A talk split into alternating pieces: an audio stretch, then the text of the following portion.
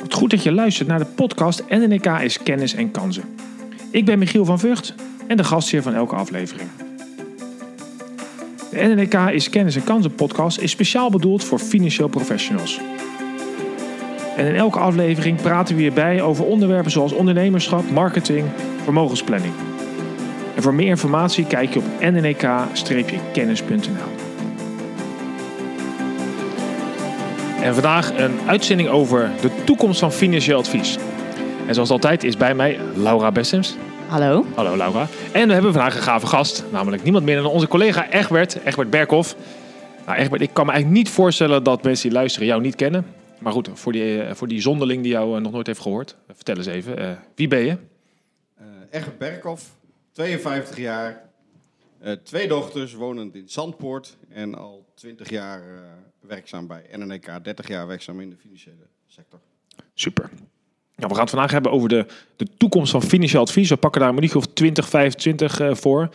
Um, de reden dat we jou gevraagd hebben is, ja, jij bent binnen NNK al jarenlang bezig met de strategie en de toekomst van het bedrijf. En jij gaat ook heel de wereld over om te kijken wat er allemaal verandert en uh, wat er speelt. Als je nou zou mogen beginnen, wat, wat, hoe zie jij die financieel advieswereld de laatste jaren veranderen? Voor ons is de grootste verandering wel de, de, de pensioenmarkt die op ons, op ons afkomt. Uh, wij zijn daarvoor, uh, hebben bijvoorbeeld een verandering in de RVA doorgevoerd. Vroeger hadden we wat meer mensen die vanuit de hypothekenmarkt in de, in de Raad van Advies zaten. Tegenwoordig Noach van Beuzenkom en Paul Jansen van EBC in onze RVA zitten. En we hebben ook een aantal pensioenproposities die we naar de markt brengen. Omdat wij denken dat pensioen voor met name de adviseur steeds belangrijker onderdeel van zijn advies gaat worden. En waarom denk je dat? Wat, wat zie je gebeuren? Nou, we zien met name de. Als je kijkt naar bijvoorbeeld de Amerikaanse markt of de Engelse markt, dan, heeft, is, dan lijkt het wel alsof de particulier daar veel rijker is. Maar dat is niet zo. Alleen in Nederland is het vermogen van de particulier zit heel vaak in zijn, in zijn pensioen gestopt. En deels ook in de woning.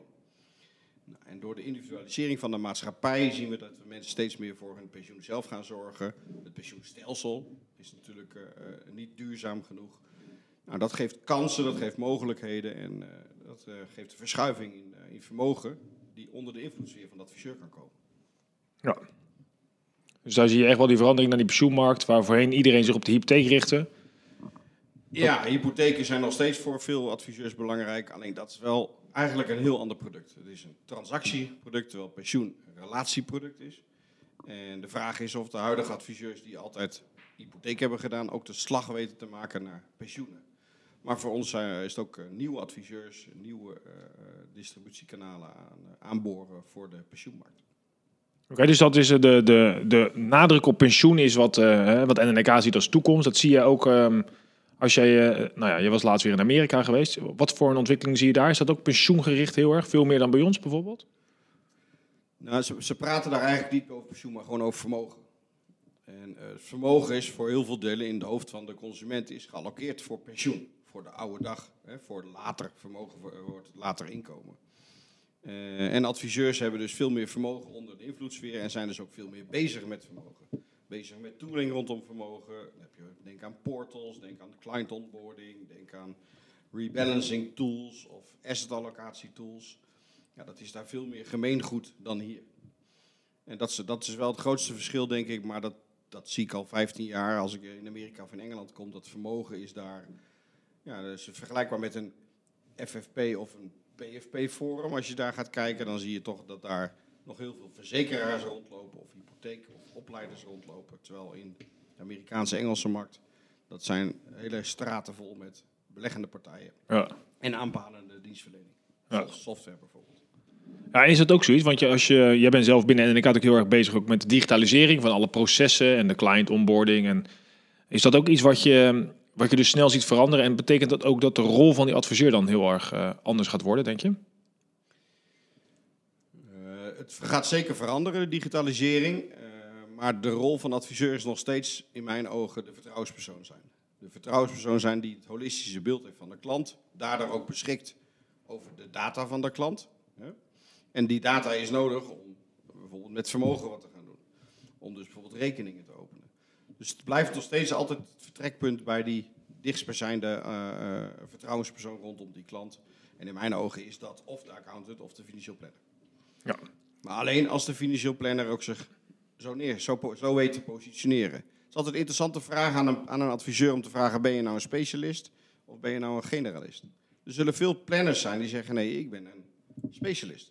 Ja. Ik word aan tafel gevraagd op het moment dat de accountant of je zegt van joh, je moet eens een keer totaal plan maken.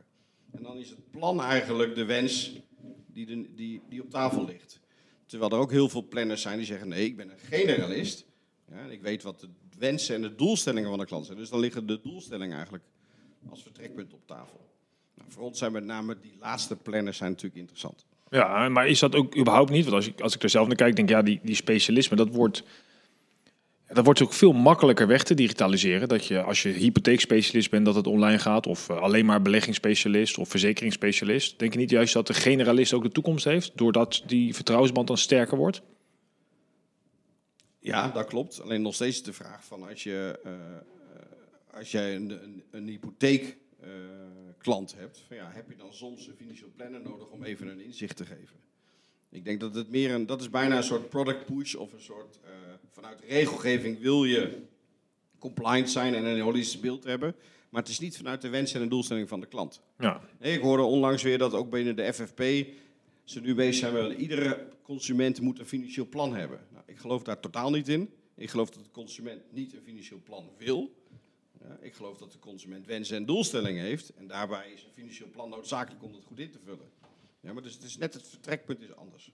Ja. Dus vanuit de perceptie van de klant inspelen op de doelstellingen en de, uh, de wensen en dan de behoeften bepalen. En niet vanuit van wat kan ik en dan ga ik kijken of ik dat door de, de strot van de klant kan duwen. Ja, dat is natuurlijk wel iets wat interessant is. Want je, de, ons vak is nogal ingericht om inderdaad vanuit jargon en allerlei... Wij denken dat iedereen dit nodig heeft te communiceren. Laura, we hebben het er wel eens over dat jij denkt... Ja, weet je, mijn vriendinnen doen eigenlijk helemaal niks met hun pensioen of zo. Ja, zeker. Hoe gaat dat bij jou en jouw vriendinnengroep? Dat is eigenlijk de toekomstige generatie aan klanten. Ja, het is, het is ontzettend zonde dat... Uh, um, ik schaal mezelf en mijn vriendinnen natuurlijk onder de groep millennials. Um, uh, ze hebben allemaal allemaal een hoge opleiding genoten, um, hè, hebben een goede baan, zijn wel verstandig met geld. We hebben het er ook over. Ze zitten nu in de fase dat, dat ze een eerste appartement of huis aankopen. En ze zijn er zeker ergens wel mee bezig. Alleen ik denk dat we het gevoel hebben dat we nergens terecht kunnen. Dus ik ben ergens ook wel benieuwd, wat zie je daar nog toekomst in, de next generation? Uh, zeker natuurlijk, ook de next generation wordt uiteindelijk volwassen en vermogend. Het is van niet lang iets niet al volwassen zijn. Wij zijn zelf onlangs een uh, reversed mentoring programma opgestart. Ja, de naam zegt echt van het omgekeerd leren. Uh, alle medewerkers bij NNK, wij werken met 29 uh, man in zowel Heerenveen als in Amsterdam. En als daar kinderen zijn die 18 worden, worden ze uitgenodigd om in een reversed mentoring programma mee te draaien. Daar zitten nu man of acht in. 18-jarigen tot 24 nu inmiddels. Ja, en daar willen wij juist van hun gaan leren. Dus ze krijgen allemaal een rekening van ons. Ja, daar betalen we dan ook de vergoeding voor hun tijd op. Zodat ze gewoon ook zien wat doet vermogen en wat is beleggen nou eigenlijk. Wij willen leren van hoe ga je om met geld? Hoe praat je met je vrienden over geld? Wat voor een dienstverlening zoek je? Hoe kijk je om met apps zoals een Tikkie of wat voor een apps? En dus uh, hoe denk je om aan budgetplanning? En dan zie je dat er een enorme afstand ontstaat tussen mij bijvoorbeeld als 50-plusser en die millennial. Ja. En dat gat moet gedicht worden. Dat is ook een van de redenen waarom Laura natuurlijk ook binnen NEK een van de rising stars is. Want die kan dat gat dichten. Er zijn ook uitdagingen. En de grote uitdaging zit bijvoorbeeld in het verdienmodel. Van ja. hoe ga je ook verdienen? Is de millennial wel bereid om bijvoorbeeld een urentarief neer te leggen voor iets wat pas over heel lang zichtbaar wordt dat het nodig is? Ja, of ga je zeggen, nou, ik ga toch met sparen, met kleine bedragen proberen de millennial al voor me te binden. Met lage inspanningen. Ja, dus daar, daar moet nog wel het een en ander op doorgekoud worden. Maar uh, zeker een uh, doelgroep voor de toekomst. Ik heb ja. eens. Ja, toch? Ja, ja. zeker. Uh, en als je dan naar, want dat is ook, wij doen samen ook, echt bij en ik, die um, zijn we nu een ondernemerstraining gestart. Um, en dat is ook wel aardig. Dan, je begint eigenlijk die training elke keer, elke dag ook weer opnieuw. Van, joh, nou, denk eens nou eens na als ondernemer, als financieel dienstverlener van de toekomst. Bouw je aan een klantenbestand of eigenlijk aan een bedrijf? Uh, en als je naar de toekomst in kijkt, waar je vroeger eigenlijk kon zeggen, joh, op basis van mijn doorloop en PMLD heb ik waarde in mijn bedrijf. Ja, dat verandert natuurlijk heel erg, of is veranderd door de provisieverboden. Dus moet je eigenlijk veel meer na gaan denken, joh, ben ik een, een, een schaalbaar bedrijf aan het bouwen dat kan doorontwikkelen en verkopen. Wat is jouw ervaring als je zo kijkt in die markt? Wat gebeurt daar nu? Nou, ik denk inderdaad dat een, een goede vraag je jezelf moet stellen van ben ik misbaar of onmisbaar in mijn eigen bedrijf. Ik denk dat de meeste adviseurs gewoon, ja, die kunnen er niet uitstappen. Hebben al moeite om twee, drie weken op vakantie te gaan van wie gaan dan voor de klantvraag die eerste lijn helpdesk zorgen. En ik denk dat dat is ook de confrontatie van dat feitelijk ben je geen business aan het bouwen, maar je bent een klantenbestand aan het bouwen. En hoe kan je dan een business bouwen? Door toch af en toe eruit te stappen uit die operationele werkzaamheden en dus aan de organisatie te gaan werken in plaats van in de organisatie. Maar dat heeft wel een type mens nodig. En de vraag is of iedereen ook die transitie kan maken. Kijk, in het verleden was de financieel adviseur eigenlijk, even plat gezegd, niks meer dan een soort vooruitgeschoven commerciële post van de bank en de verzekeraar. En die kreeg alles in aan toolkit mee. tot en met de lichtborden van Wout en de stickers van uh, het NN Doelvermogen. Om maar producten uh, bij de adviseur naar binnen te duwen. Nou, dat is inmiddels wel veranderd. Provisieverbod is een, belangrijke, uh, een belangrijk instrument daarvoor geweest. Maar je ziet dus dat je van tra transactionele business nu naar relationele business moet gaan. En eigenlijk heb je daar een ander DNA voor nodig. Ik denk dat de meeste verkopers inmiddels wel weer terug zijn naar de woningboulevard en naar de autoverkopers. Maar die nu overblijven, die willen hun business van transactie naar relatie brengen. Nou, dan moet je aan je organisatie gaan werken. Dan moet je aan je ondernemerskills gaan werken. Dan moet je misschien eens een boek lezen van Michael Gerber over de succesfactor. Zodat je ook leert dat er wat anders is dan alleen maar operationeel proberen te excelleren. Nou, daar zijn we mee bezig. Daar hebben wij een training voor opgezet. Het is een soort ondernemerstraining. Wij noemen het de piek. En in die ondernemerstraining zijn we nu met uh, acht uh, kantoren, eigenlijk met tien kantoren, want er loopt nog een pilotgroep. Zijn we met tien kantoren nu gestart. En het frappante wat we constant terugkrijgen is, het komt precies op het goede moment. Ja, ja. En dat is denk ik uh, uh, nou, voor ons een schot in de roos. Hè. Kennelijk zijn we op de goede manier bezig. En, uh, ja, en dan is het van, hebben ze het commitment? Hebben ze de drive om er ook wat van te maken? Of worden ze toch weer, na het hete bad, weer gebeld door de klant van... ik wil nog graag mijn garagebox financieren.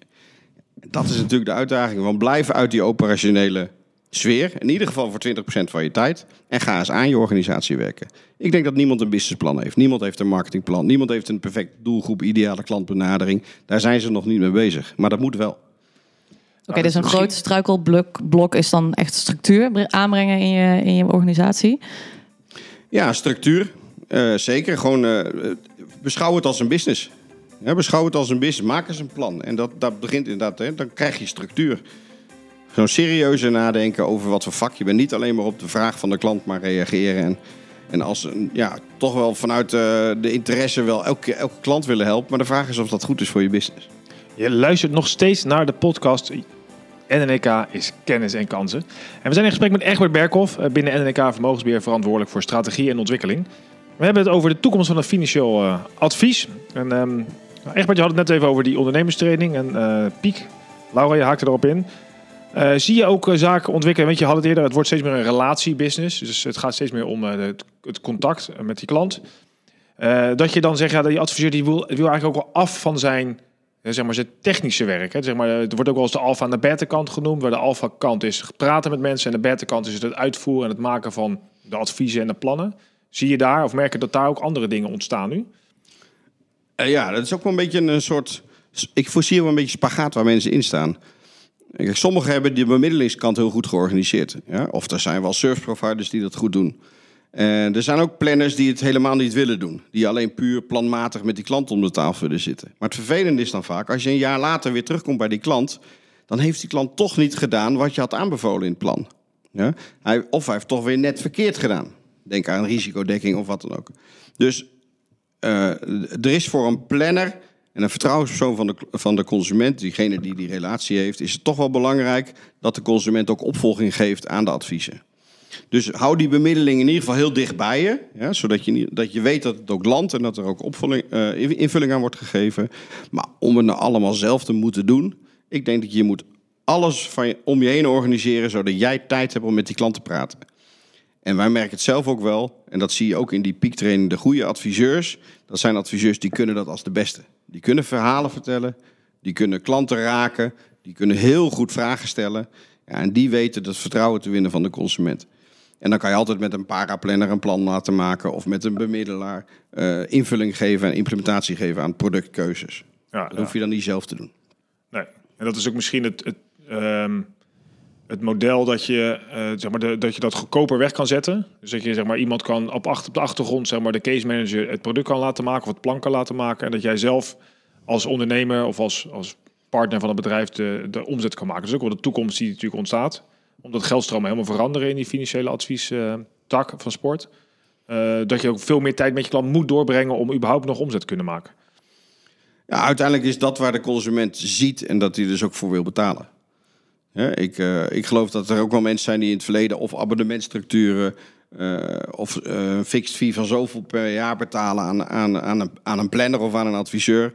En dat die adviseur dan heel veel moeite heeft van hoe moet ik daar nou invulling aan gaan geven. Ik denk dat als jij, je hebt genoeg stof tot praten met die consument, je kan genoeg één tot twee afspraken per jaar maken. En dan moet die consument dat gewoon bereid zijn om dat te betalen. En ik denk dat je genoeg toegevoegde waarde hebt om die tijd te vullen. Alleen dan zul je dus inderdaad breed moeten weten wat wil die consument. En misschien ook wel het gezin centraal gaan zetten. Of misschien ook wel de onderneming erbij gaan betrekken van, eh, naast de ondernemer. En het zal niet, eh, aan de onderkant van de markt wordt het een grote uitdaging. Ja, En dat is ook met de millennial in het begin. Ja, maar het blijft een relationele business. En de relaties is gewoon, ja, dat kost soms tijd. Ja, en je moet toch aan die tijd kunnen verdienen. En dan moet je bereid zijn dat te betalen. En maak dat duidelijk van wat is je toegevoegde waarde. Daar is nog wel eens wat te halen. Ja. Ja, ook te ontwikkelen. Zeker te ontwikkelen, ja. Laura, als jij eh, ehm, als de millennial hier aan tafel, zou jij, hoe zie jij die rol van die adviseur? Als jij nou zelf je toekomst in kijkt en je denkt, nou, misschien ga ik eens een keer een huis kopen. Dus misschien is het eerste moment dat je een adviseur spreekt. Wat verwacht jij van zo iemand? Ehm, heel cliché, maar natuurlijk het ontzorgen. Want eh, ook ik heb een beleggingsrekening nu bij NNK lopen. En ook ik ontvang eh, bijvoorbeeld een advieswijzer. Ehm, en nou werk ik bij een vermogensbeheerder. En dan weet ik wel dat ik aan een aantal zaken moet voldoen. En eh, dat ik dat weer moet doorlopen. En toch open ik bijvoorbeeld zo'n advieswijzer niet. En voor mij is het ook weer een gedoe. En dan denk ik, oh, dat doe ik straks wel. En straks wordt morgen, overmorgen, dat wordt volgende week, dat wordt volgend jaar. Dat wordt nooit. Hè, van uitstel komt afstel. Dat is eigenlijk wel grappig, want je zou eigenlijk verwachten dat in de tijd waar techniek en eh, informatie beschikbaar is, je denkt, joh, dat is... Je hebt daar geen adviseur meer voor nodig. Maar eigenlijk Ja. zeg je, joh, weet je, het staat toch nog ver van mijn bedshow. Misschien heb ik wel te veel informatie, dus het, het, nou ja, het wordt maar eigenlijk te veel. Ja, het, het, het zijn voor mij in ieder geval zaken waar ik me niet mee bezig wil houden. Want het voelt heel, het voelt heel groot, heel veel. Eh, ik ben niet graag met cijfertjes bezig. Ik kijk nooit op mijn rekening. Ehm, ik, ik weet gewoon dat ik wel zo even een keer eh, ehm, naar het restaurant kan en lekker kan dineren met mijn partner of naar de bioscoop kan. Ik let er verder niet op. En ergens, ik weet wel dat het iets is waar ik me op zou moeten focussen. En ik zou eens een keer een overzicht moeten maken. En toch doe je het niet, want ja, het is gewoon niet leuk om je ermee bezig te houden. Dus dat zou een adviseur, eh, ja, die zou mij wel heel veel rust en overzicht kunnen bieden. Eh, en of je daarvoor zou willen betalen, ja, wat Egbert al aangaf, dan wel met een aangepast verdienmodel. Eh, hoe dat er precies uitziet, weet ik niet. Ehm, maar je zou inderdaad wel kunnen beginnen met een, eh, een simpele rekening om. eh, en dan heb je het haakje al gemaakt. Je stort wat bij. Eh, en zeker in mijn geval, ik huur nu nog. Ehm, en stel, ik zou dan nu met een adviseur in aanraking zijn gekomen. Ik heb misschien een beleggingsrekening geopend waar ik per maand 100 euro op stort. Hè, een beginnetje gemaakt. En over een paar jaar, nou, trouw ik misschien, ga ik een huis kopen, krijg ik kinderen. En dan ontstaan natuurlijk wel andere situaties eh, eh, waar ik die adviseur eh, bij zou kunnen aanhaken. Ja, dus eigenlijk is het vooral dat die adviseur nu de soort van bekendheid moet creëren bij jou, maar Ja, je hebt nog niet veel nodig. Nee, precies. precies. Dus dan hou het heel klein, maar zorg wel dat je het haakje hebt. En of je dat nu doet met bijvoorbeeld eh, je bestaande klanten... en die hebben natuurlijk kinderen, eh, eh, nou, open dan een kindrekening. Maar zorg in ieder geval dat je het haakje hebt gemaakt. Want along the line, de situaties gaan zich allemaal voordoen. Kinderen krijgen, gezinnetjes stichten, ja. misschien een baan verliezen, scheiden. Het komt allemaal voor. Ja. dat is natuurlijk de kunst. Hè? Want wij hebben in die piektraining, Egbert, hebben we het ook al over die... Nou, het laatst voor de klantreis. Hè? Dus hoe ga je nou klanten betrekken? En misschien geldt wel helemaal bij die jonge generatie... die eigenlijk betrokken moet blijven... en op een, le- een leuke, interactieve manier... Nou, een soort relatie moet bouwen met je adviseur... die eigenlijk nog niet eens nodig is. Eh, zie je daar ontwikkelingen of, of manieren ontstaan... waardoor je nou, die relatie kan krijgen? Of...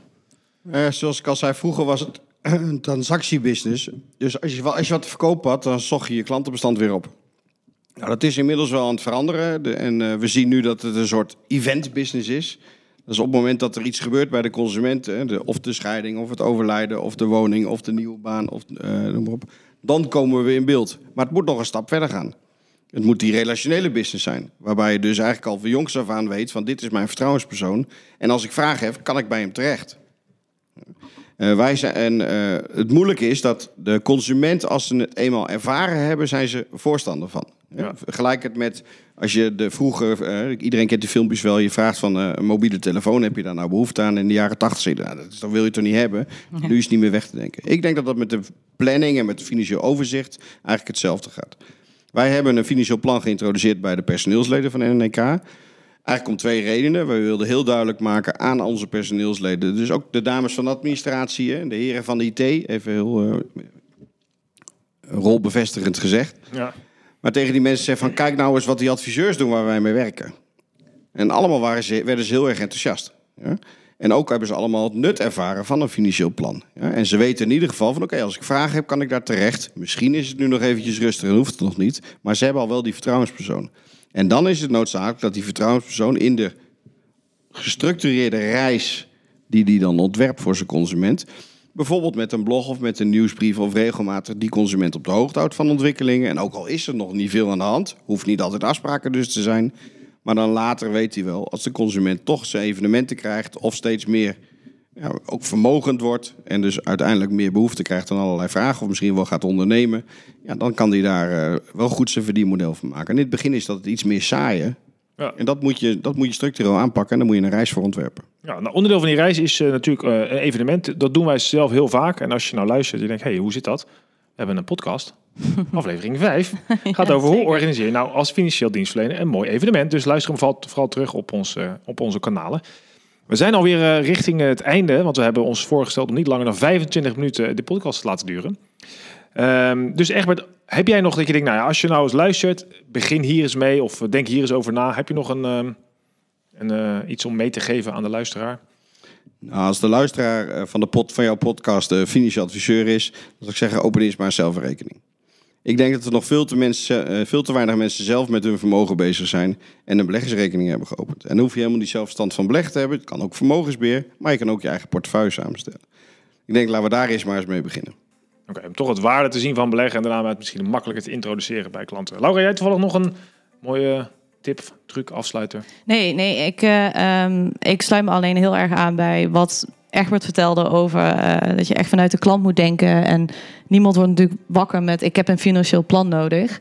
Ehm, maar probeer echt aan te sluiten bij bepaalde levensthema's of live events, hoe, hoe jij ze noemde. Ehm, en probeer daar eh, eh, aan te haken.